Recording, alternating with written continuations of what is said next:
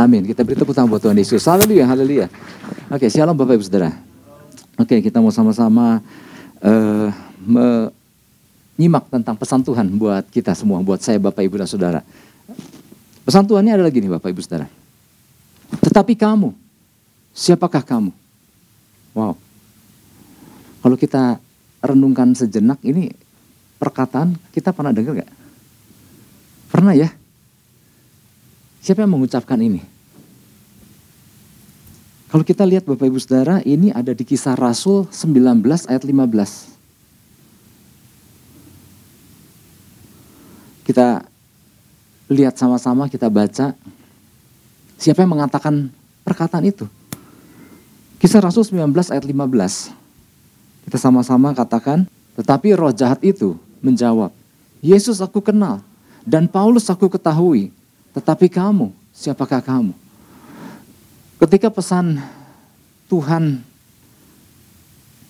mengambil cuplikan, tetapi kamu siapakah kamu? Wow, ini lagi bicara tentang apa Bapak Ibu Saudara? Ini bicara tentang lagi-lagi identitas. Dan ini yang mempertanyakan adalah ternyata roh jahat. Dia bilang, kalau Yesus mah aku kenal. Kalau Paulus aku ketahui. Tetapi kamu, siapakah kamu? Nah kalau pesan itu datang sama kita, kita mau sama-sama pagi hari ini kita mau mengevaluasi setiap kita. Jangan sampai ada roh jahat bisa nanya dengan pertanyaan itu kepada anak-anak Tuhan. Suatu pertanyaan yang memalukan. Jadi Tuhan sedang benar benar-benar sedang memperingatkan kita akan pentingnya identitas kita. Ya, lagi-lagi soal identitas. Bukan hanya sekedar pengakuan tentang siapa kita, siap kita milik siapa, tetapi juga pesan Tuhan yang diberikan buat kita di minggu ini adalah tentang ketegasan kita di dalam kita berpijak. Kalau Bapak Ibu Saudara lihat sedikit ke depan, ke hadapan saya, saya mau, mau kasih penggambaran. Ini misalnya, ini pihak Tuhan, ini pihak yang berseberangan dengan Tuhan. Nah Tuhan lewat pesannya ini sedang memperingatkan kita, kita berpijak harus punya ketegasan di dalam berpijak. Apakah kita sungguh di pihak Tuhan atau di pihak yang berseberangan dengan Tuhan? Tapi sering kali banyak orang percaya yang gak menyadari. Ketika berada di sini, di pihak yang berseberangan dengan Tuhan, tetap berkata, aku ini milik Tuhan. Aku anak Tuhan Yesus, aku milik Tuhan. Tapi berpijaknya bukan di tempat di pihaknya Tuhan. Nah ini yang sering kali roh jahat bertanya, tetapi kamu siapakah kamu?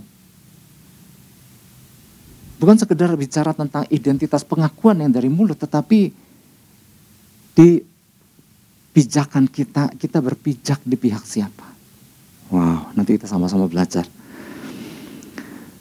Latar belakang daripada kisah ini adalah gini Bapak Ibu Saudara, Rasul Paulus sedang melakukan perjalanan di Efesus. Ya kalau kita lihat judulnya di perikop uh, kisah Rasul 19 ayat 1 di situ kan ditulis Paulus di Efesus.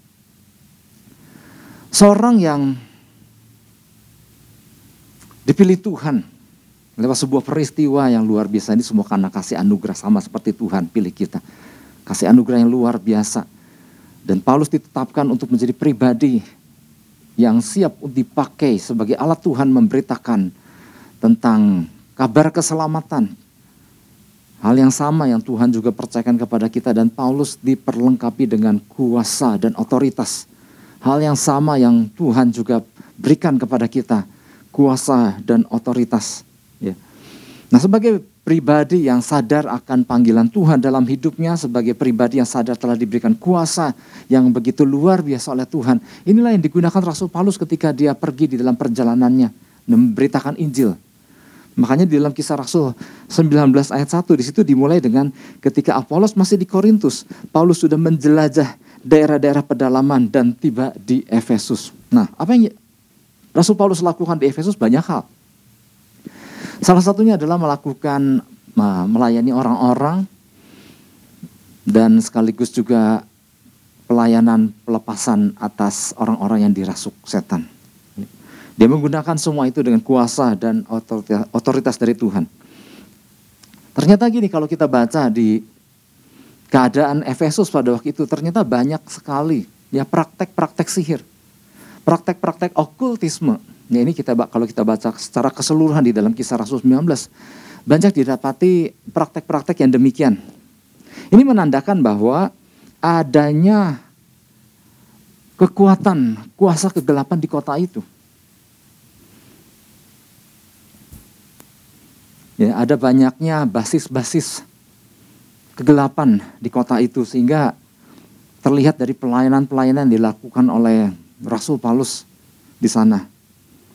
Nah, keadaan di kota itu memang Efesus adalah kota besar.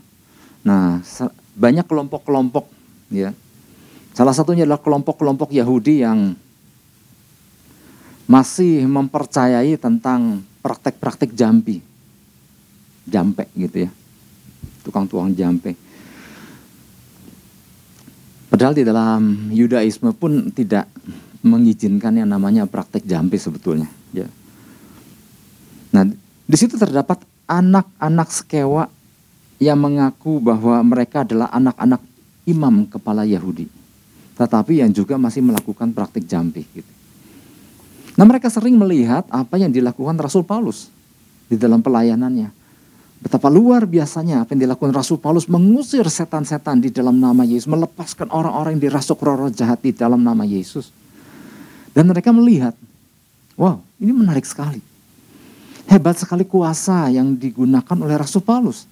Dan dia memperhatikan Rasul Paulus selalu menggunakan di dalam nama Yesus Kristus. Dia bilang nggak nggak susah ya, nggak susah yuk.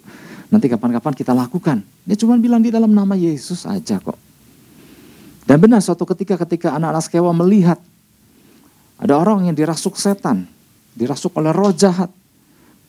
Dan mereka melakukan pengusiran itu dan dengan menggunakan nama Yesus. Di dalam nama Yesus aku mengusir roh jahat yang Aku mengusir kamu di dalam nama Yesus yang sering dikatakan oleh Rasul Paulus. Dan apa yang terjadi Bapak Ibu Saudara, roh jahat itu bukannya keluar, tetapi roh jahat itu yang masih ada di dalam diri oh, pribadi orang yang dirasuk tadi, mengejar dan menggagahi anak-anak sekewa, ya lari tunggang langgang. Ya mereka di, dipermalukan sama sekali. Semua uh, di situ dikatakan sehingga mereka lari dari rumah itu dengan telanjang dan luka-luka. Kayaknya enggak, waduh, kok nggak bekerja sama kita nih katanya. Kata si anak-anak sekewa mungkin di antara mereka. Kok beda dengan apa yang dilakukan Rasul Paulus. Rasul Paulus begitu mudah di dalam nama Yesus dan roh jahat itu keluar. Nah kenapa ini malah balik nyerang kita? Sangat mengagetkan mereka dan sekaligus sangat memper, mempermalukan mereka. Nah apa yang terjadi dengan anak-anak sekewa ini Bapak Ibu Saudara? Bukankah mereka telah menggunakan nama Yesus? Bukankah iblis dan segenap jajarannya seharusnya takluk kepada nama Yesus.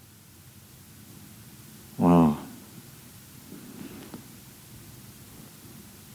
Jadi gini, betul, iblis dan seluruh jajarannya memang takluk kepada nama Yesus. Sang raja di atas segala raja. Tapi gini, tergantung siapa dulu pribadi yang menggunakan nama Yesus itu. Satu kali pun Yesus pernah bersama murid-muridnya mendapati ada seorang yang memang bukan murid Yesus tapi seorang yang mempercayai Yesus. Dan dia menggunakan nama Yesus untuk memberitakan tentang Injil Kerajaan Sorga. Dan murid-murid Yesus protes sama gurunya, guru itu orang kan bukan bagian dari kita. Tapi kenapa dia pakai nama engkau? Di dalam pelayanannya, Yesus bilang, biarin. Meskipun dia nggak bukan murid Yesus secara langsung, tapi dia adalah bagian daripada kerajaan surga. Dan dia berhak untuk menggunakan nama Yesus, kurang lebih seperti itu. Nah tapi apa yang terjadi dengan anak-anak sekewa? Ya. Anak-anak sekewa tampaknya nggak menyadari bahwa mereka pikir dengan hanya menggunakan nama Yesus ternyata mereka nggak otomatis diberikan wewenang untuk menggunakan sekendak hatinya untuk sebuah tujuan yang bukan tujuan kerajaan.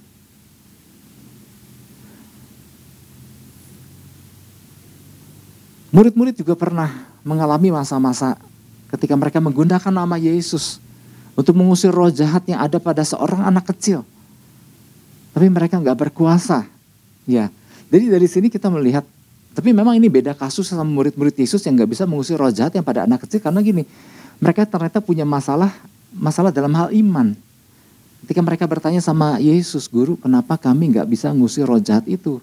Terus Yesus bilang, karena kamu kurang percaya.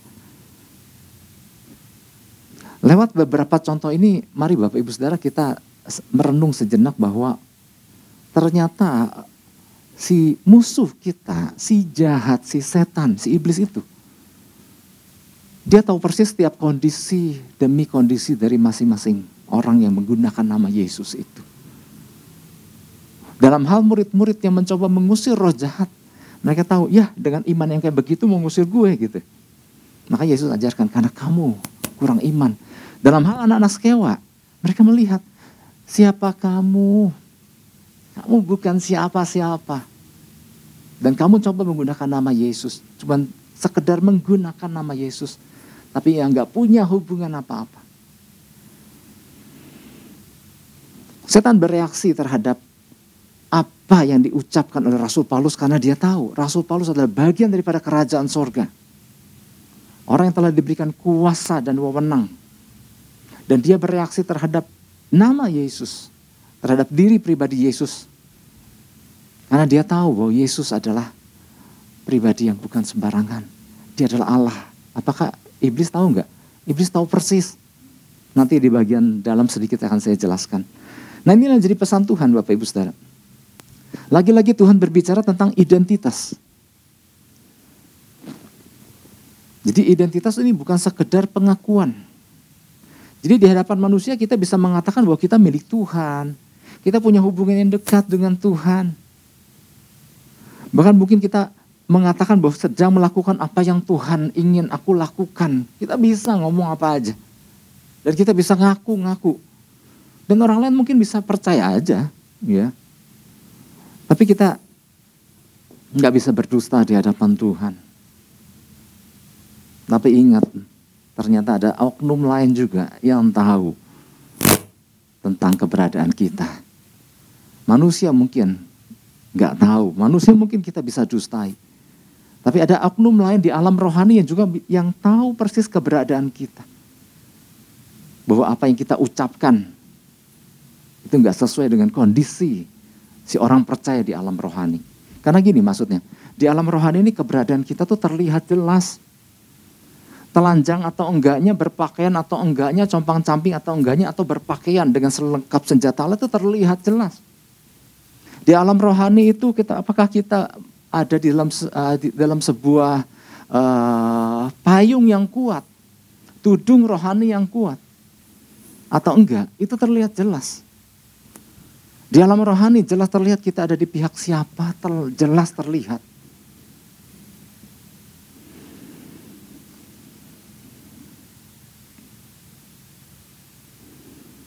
Terang benderang atau redup enggaknya si anak Tuhan itu terlihat jelas di alam rohani. Dan ternyata bukan Tuhan aja yang bisa lihat kan. Ya Tuhan pastilah dia maha kuasa. Tetapi ada oknum lain yang melihat jelas tentang keberadaan si anak Tuhan ini, seorang percaya ini. Itulah sebabnya Bapak Ibu Saudara ketika anak-anak mencoba menggunakan nama Yesus untuk melakukan pengusiran roh jahat yang menguasai seseorang. Roh jahat itu dapat melihat dengan jelas. Kamu siapa? Nah, oke. Okay. Yang saya mau sampaikan adalah gini. Ada beberapa kata. Yesus aku kenal. Dan Paulus aku ketahui. Ya, oke. Okay.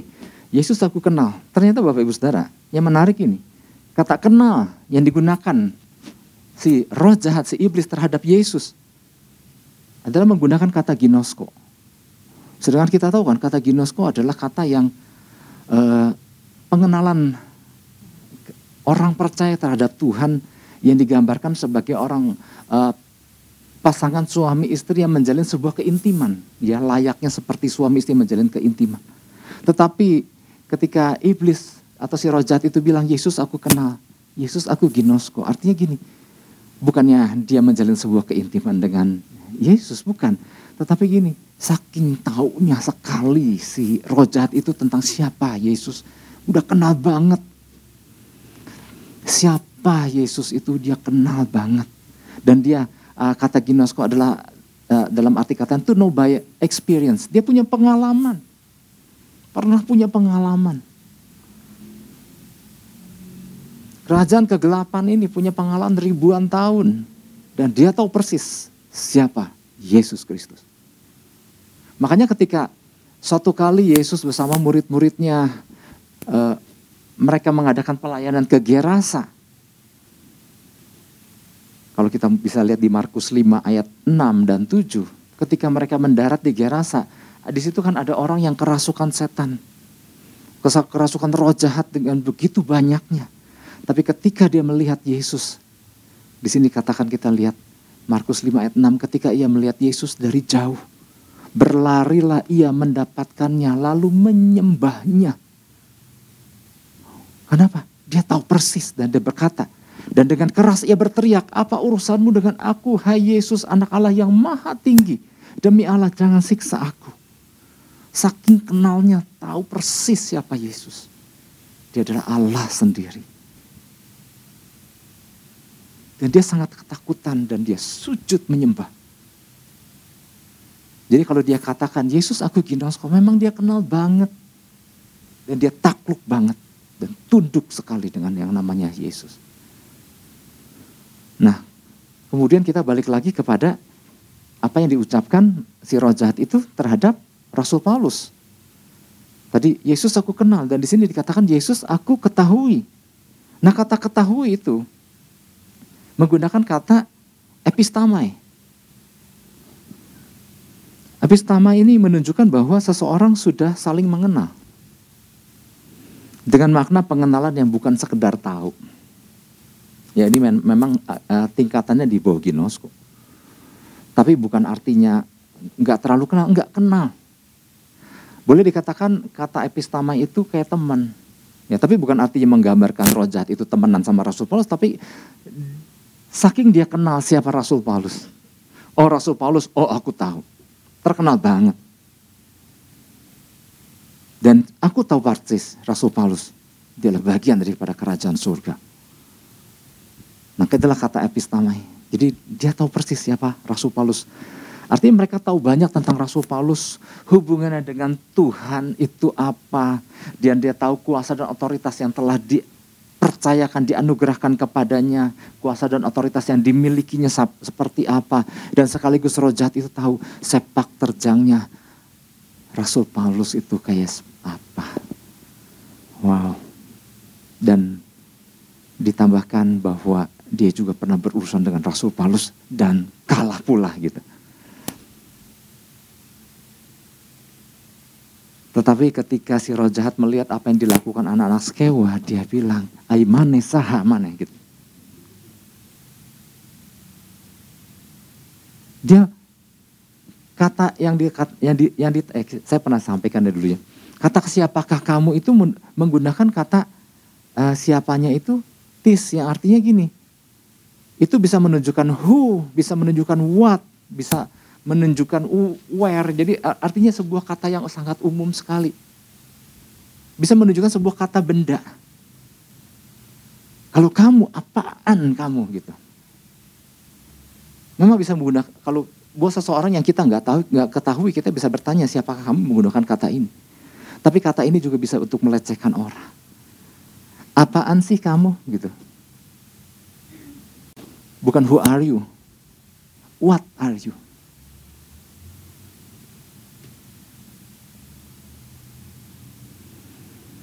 Artinya benar-benar siapa sih berani-beranian nih? Gak tahu diri deh gitu ya maksudnya. Nah, oleh sebab ini bari Bapak Ibu Saudara, lewat pesan yang Tuhan berikan sama kita, saya Bapak Ibu Saudara adalah untuk mengajarkan. Bukannya, waduh kita di, dibilang kita seperti uh, roh jahat terhadap anak saya, bukan artinya gini, pesan ini adalah gini. Jangan sampai keberadaan kita dipermalukan kayak begitu. Artinya gini, yuk berdiri di atas posisi yang kuat sebagai anak-anak Tuhan. Yang setuju katakan amin. Sehingga ketika berhadapan dengan roh jahat atau roh jahat yang melihat, kan kita nggak bisa lihat dia, dia bisa lihat kita di alam rohani. Bukan cuma kita sekedar meng, meng uh, secara kosmetik kali, uh, bukan cuma sekedar tampilan luar kita menunjukkan aku anak Tuhan, aku aku hamba Tuhan, aku anak pelayan, aku pelayan Tuhan. Bukan cuma sekedar tampilan luar kita aja yang kita tekankan, tetapi juga pastikan bahwa di alam roh ketika segala musuh melihat, wow, jangan main-main dengan orang ini. Karena dia tahu keberadaan kita, siapa kita dan apa, di pijakan mana kita berdiri teguh. Oleh sebab itu mari Bapak Ibu Saudara pastikan yang pertama beberapa hal yang kita tangkap melalui pesan ini. Yang pertama pastikan kita memiliki posisi yang kuat di mana pun. Di tengah kondisi apa pun. Pastikan kita memiliki posisi yang kuat. Artinya ini berbicara tentang gini, perjelas keberpihakan kita.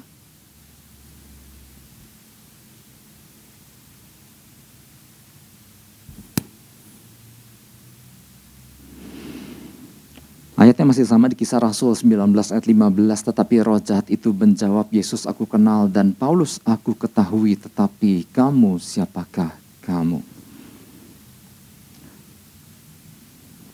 Pernah nggak kita Bapak Ibu Saudara, saya sih nggak pernah ngalamin ya, tetapi melihat percakapan orang yang seperti ini saya pernah.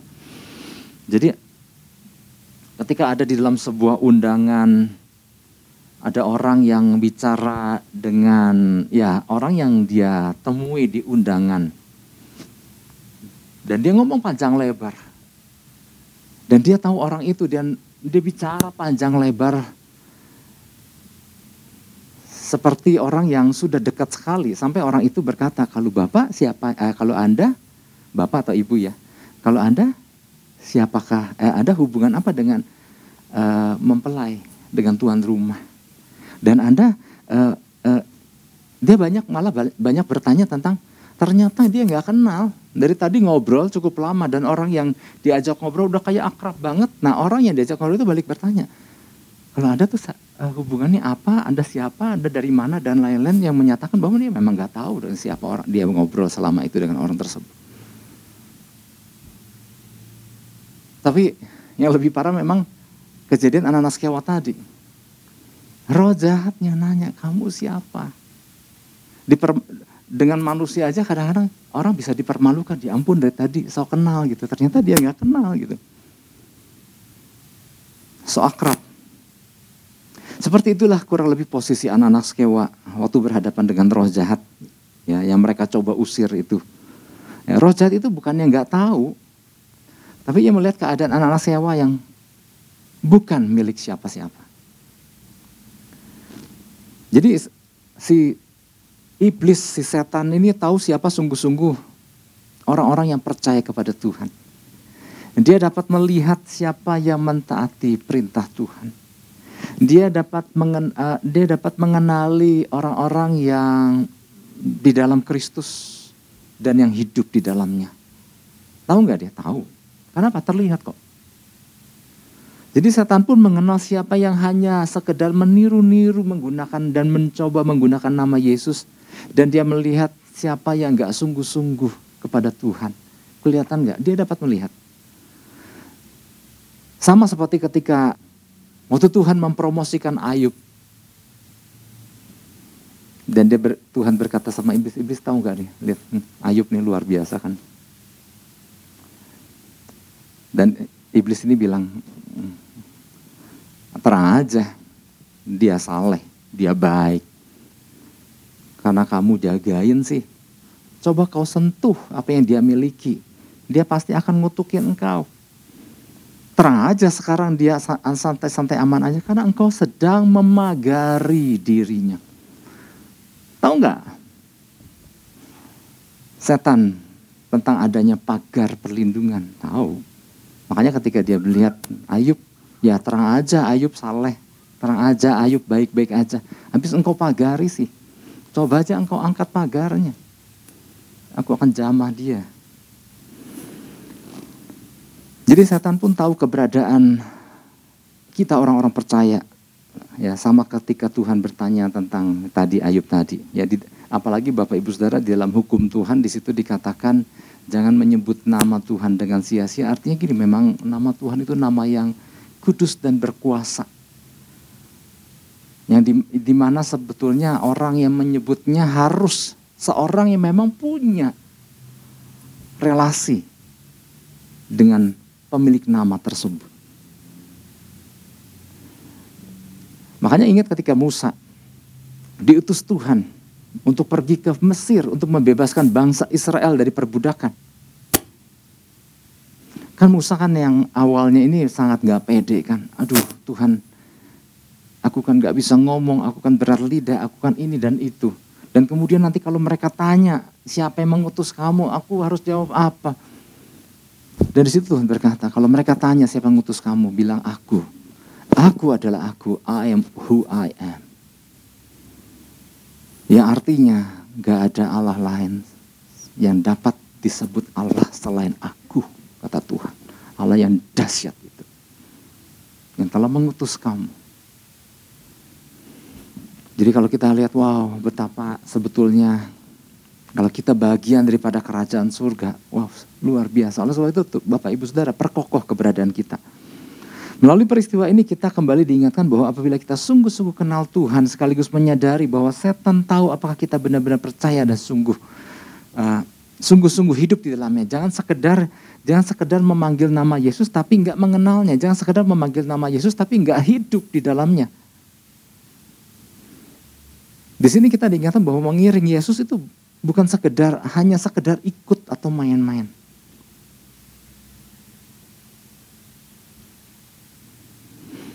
Perkataan epistama yang tadi saya sampaikan tentang Rasul Paulus di Merojat itu bilang, aku mengenal engkau, Paulus aku kenal, Paulus aku epistamai. Artinya gini, dia melihat, wah posisi Rasul Paulus ini luar biasa. Makanya Bapak Ibu Saudara, kalau kita perhatikan di dalam, di Alkitab, kisah tentang anak-anak sekewa itu di dalam kisah Rasul 19 ayat 15. Tetapi perhatikan ayat 1 sampai ayat 14-nya. Itu adalah tentang apa yang dilakukan oleh Rasul Paulus. Tentang hal luar biasa yang Rasul Paulus lakukan sebagai representasi kerajaan surga. Bagaimana kita bisa melihat ayat 1 sampai 14 ada kuasa, ada otoritas yang begitu luar biasa yang dilakukan oleh Rasul Paulus ketika dia bergerak mengatasnamakan kerajaan surga. Makanya kalau dia bilang Rasul Paulus aku epistamai, artinya dia Tahu banget. Dan dia nggak berani macam-macam sama Rasul Paulus. Ini lagi mengingatkan kita bahwa wow, perkokoh posisi kita, perkokoh pijakan kita, perkokoh keberadaan kita. Seringkali gini, jangan anak-anak Tuhan hanya gara-gara ego kita. Kita begitu saja. Kalau lagi semangat semangat lagi enggak enggak itu kan sebenarnya di alam di alam rohani itu terlihat sekali. Yang melepas-melepas, yang ini-ini, yang ikut-ikut gitu, itu terlihat sekali.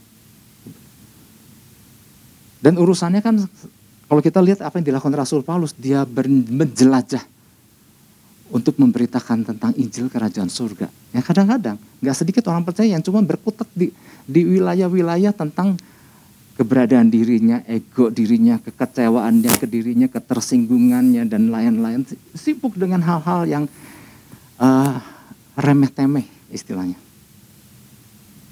Hal-hal yang nggak penting punya, tapi lupa. Tapi ada di posisi ini, uh, sadar aku anak Tuhan, aku milik Tuhan dan aku bagian dari kerajaan surga, tapi ada posisinya di sini di pihak yang bukan ada di dalam pihaknya Tuhan.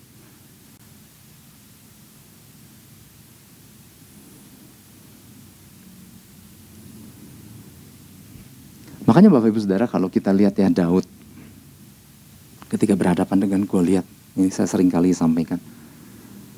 Bukan cuma sekedar Daud jago main umban, taruh batu di umban, dilempar, nancep ke jidatnya Goliat. Bukan sekedar mahir bermain itu.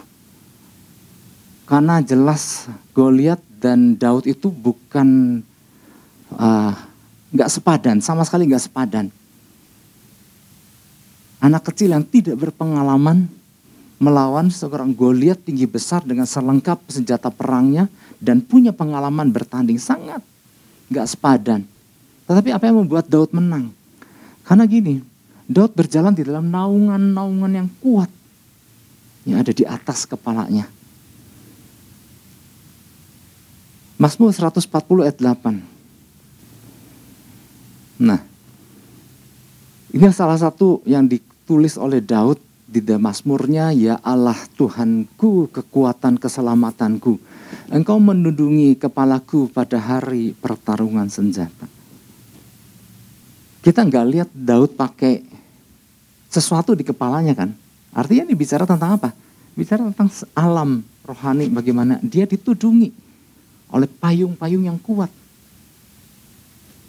Dia datang karena penundukan kepada seorang ayah yang menyuruhnya pergi membawa makanan buat kakak-kakaknya sekaligus makanan buat kepala pasukan seribu. Wow, ada tugas penting, tugas kerajaan, eh, tugas negara. Dan itu diberikan atas perintah. Tugas itu diberikan dari ayahnya dan dia tunduk. Dan dia datang ke sana atas restu ayahnya.